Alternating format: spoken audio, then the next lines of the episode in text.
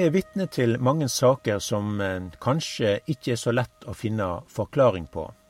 Og vi kan jo nevne noen døme på akkurat det. Israel er et døme. Kan en forklare staten Israel rent sånn politisk? Hva er det som gjør at dette landet og folket som bor her, jødene, fortsatt er på verdenskartet og på verdensarenaen? Dette folket har jo mange ganger, i løpet av historien, det har vært folk som har hengt i en tynn tråd, og det er mange ganger at dette folket har hatt kniven på strupen, bokstavelig talt. Men sjøl om dette er utallige ganger, så lever Israel og jødene fortsatt. Og er dette noe som kan finne en forklaring på? Er det en politisk ståstad, eller en politisk eller sosial eller militære grunner for, eller er det tilfeldigheter? Og gjennom hele historien så er det et folk som har vært gjenstand for hat og antisemittisme, det var en farao i Egypt som gjorde jødene til treller for seg. De måtte slite hele dagen, og ingen hvile og lite mat og ingen rettigheter. Jødene var faraos treller. Og så er vi vitne til at jødene går ut ifra Egypten, og måten dette skjer på, er at de holdt den første påsken i historien. Og eh, så går det ikke så mange kilometer, så kommer det da en ny fiende som ønsker å sette en stopper for dette israelsfolket sine planer, og det var midjanittene. Og vi har også filisterne. Vi kunne nevnt jødehateren Haman, eller romerne og tyrkerne og Hitleren og nazistene, og det gjelder Muhammed og den muslimske religion. Og det er ikke noe annet land enn Israel, det eneste demokratiet der i Midtøsten som får så mange fordømmelser mot seg i FN. Og hvorfor er det på denne måten her, og hva er forklaringa?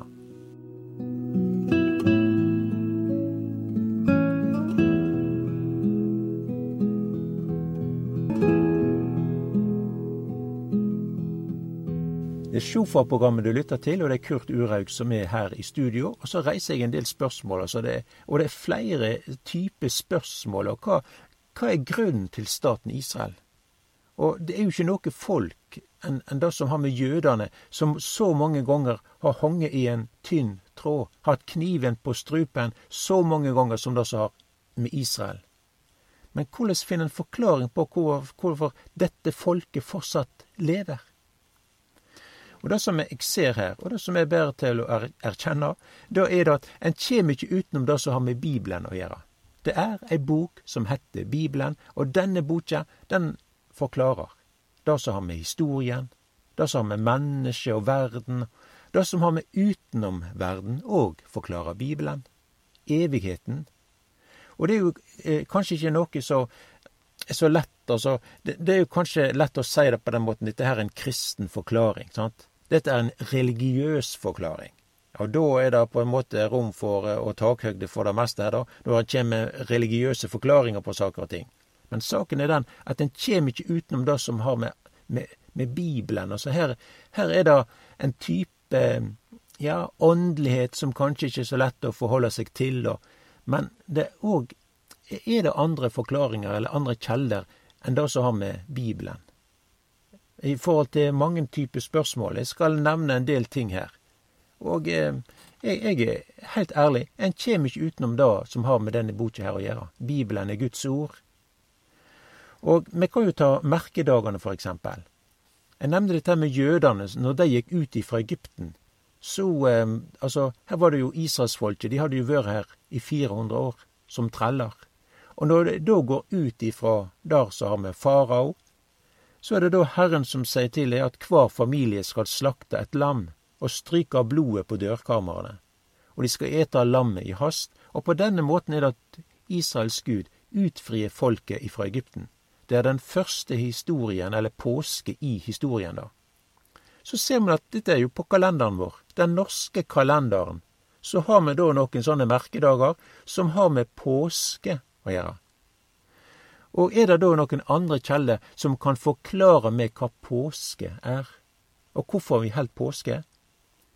Poenget mitt er at når en, en, en finner ikke fram noen sånne andre kjelder som kan fortelle meg, gi meg en historisk begrunnelse hva påske er, og hva som er innholdet i dette her. Dette med den første påsken, det har med lammet, det har med blodet og folket som ble utfridd.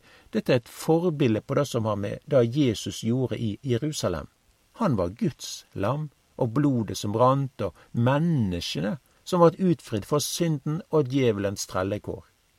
Og Bibelen forklarer at Gud greip inn i historien med utfrielse og frelse. Og det er ingen andre kjelder for dette her enn Bibelen. Vi kommer ikkje utenom Bibelen. Vi kan òg nevne andre døm her, for eksempel dette med dager i ei uke. Hvorfor er det sju dager? Og korleis er det andre på en måte kjelder som kan forklare disse tingene her, og òg at det òg er en annerledes dag i alle, blant alle disse dagene. Det er en hviledag. Eller hva er det for en leder eller kyrkje eller statsmakt eller departement som har funnet på dette her, at ei veke skal ha sju dager? Hvorfor er det sju dager på kalenderen vår? Og liksom i ei veke, da? Er det noen andre kjelder som kan forklare dette for meg? Hva er det for ei bok på biblioteket som jeg kan finne, og eh, som kan jeg lese meg til årsaken for dette her? Saken er den at jeg finner ikke, jeg kjem ikke utenom, og heile tida er det å vende tilbake til det som har med Bibelen. Bibelen gir meg forklaring på det. Og eh, det har jo sin årsak i det at Gud, han skapte verden, altså han skapte verden med sitt ord. Og det var dag for dag. Og det var seks sånne arbeidsdager, og så var det da én hviledag. Og dette mønsteret her, det er også mennesket sin hverdag og helg. Og dette her har ikke noe med åndelighet å gjøre eller religiøse tanker og holdninger. En åndelighet, vet du. sant? Men har med fakta og realiteter, dette med sju dager i ei uke.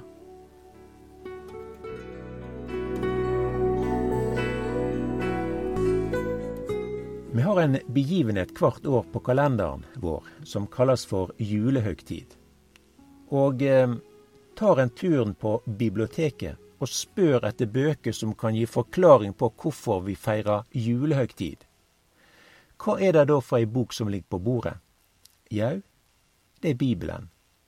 Og du kan bare gå og prøve, og spørre da på biblioteket. Og det har jo ikke noe med at de som arbeider da på biblioteket, er kristne, eller at de er åndelige mennesker som tror på ei bok som heter Bibelen. Det kan det jo sjølsagt være. Men det har noe med at Bibelen er det eneste boka som forklarer da jula sitt innhold, og bakgrunnen og den historiske begivenheten for det som skjedde. Og det som er saken her, det er at den kommer ikke utenom Bibelen, for det er den som forklarer det, og gir oss begrunnelsen for det. Og sånn er det jo blitt i dag, at det er jo ikke av ny dato heller, at dette er noe som mennesket ikke ønsker. En ønsker ikke dette svaret. En ønsker andre kjelder enn det som har med Bibelen å gjøre. Sånn er det med oss menneskevørte, og en leiter etter andre muligheter og forklaringer, og helser til alle andre mulige forklaringer, bare det ikke har noe med Bibelen å gjøre. For det har vært noe kristelig, og det er noe åndelig, og så videre. For saken er den at Bibelen, da har med Gud å gjøre. Det er den eneste sanne Gud, og dette her ligger dypt i vår natur. At Gud skal vi ikke ha noe å, å gjøre med og derfor leiter vi mennesker etter andre forklaringer på de mange typer spørsmål. Og så lar en kanskje også mange typer spørsmål bare ligge, for en ønsker ikke å gå til Bibelen. En ønsker ikke sanninga. Det er mange i dag som ikke ønsker å vite hvorfor vi har en rød dag på kalenderen vår. Hver veke at vi har pinse og Kristi himmelfartsdag om våren. Grunnen er at en, en, vil ikke vite noe om det som Bibelen forteller. Det blir vanskelig å komme nær sagt med Bibelen og la den forklare. Det er ofte sånn at det er vanskelig å forholde seg til Bibelen, for det er ei bok som er sann. Men Bibelen den er ei sann historiebok. Den er troverdig i forhold til da, ja, viktige begivenheter som har skjedd. Her trengs det ikke noe revidert utgave.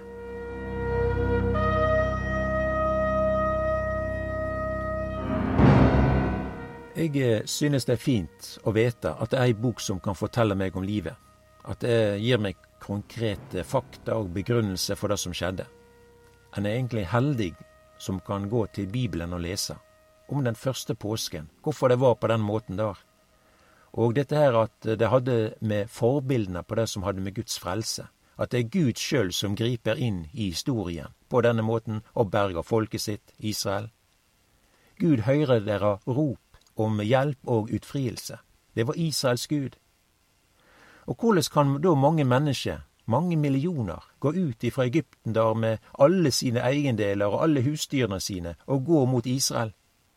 Og så ender de da opp med 40 år å gå omkring der i ørkenen, men vi hører Moses som slår på klippen, og folket de får drikke, og de får dusje, og de får vaske seg, og hver morgen så henter de da ferske brøder på markene. Og rundt dei der er det da fiender, og det er også fiender imellom seg, allikevel så gikk dette her bra. Er det da noen kjelde som kan gi meg svaret på hvordan dette kunne ha seg på denne måten her? Og eh, hva gjorde da jødene i Egypten, og, og hvorfor var de der 400 år som treller? Hvorfor har vi påske? Hvorfor er det dette med mann og kvinne? Hvorfor er dette her kommet på disse ordningene for samfunnet vårt? Dette med skole og undervisning, dette med å lære barna og den oppveksende slekt. Undervisning, hvor er det alt dette her kjem ifra? Det er mange som da vil seie at dette her det har med opplysningstiden å gjøre. Og opplysningstiden, det har da noe med disse her vitenskapelige eh, saker da om verdensbildet og mennesket og, og de mange store spørsmål som reiser seg på 1600-tallet.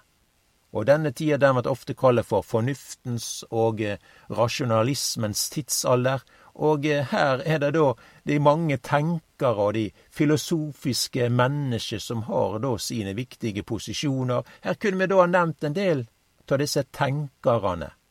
Voltareo er jo en av disse. Men opplysningstiden, eller den tida som også vel kaller for opplysningsfilosofiens tid Altså, her, det handler om mennesket sin tanke. Og her er det da et, i praksis et opprør mot det som har med kyrkja. Og det har helt sikkert mange forklaringer på hvorfor dette her kunne skje, og nær sagt få en sånn opplysningstid.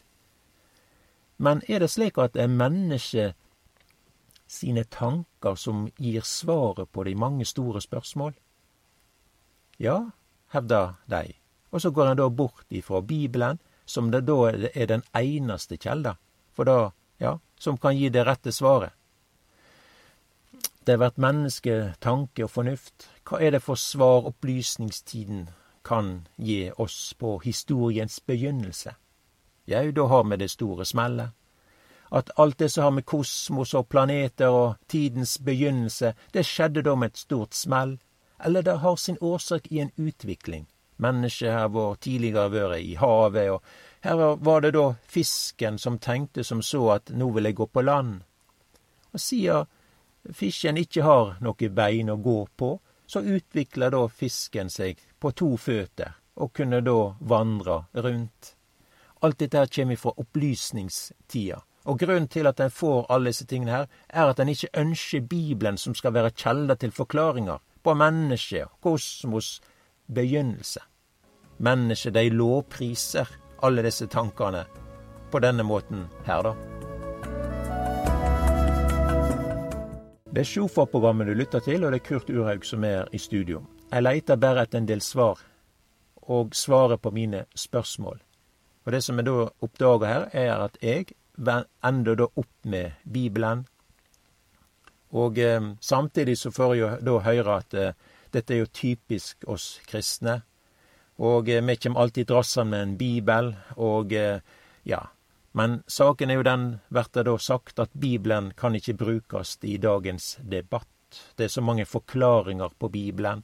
Den lar seg ikke være tru, og eh, da gjelder da de mange spørsmål. Og da, sånn tenker da mange mennesker. Men hva skal en da tro på?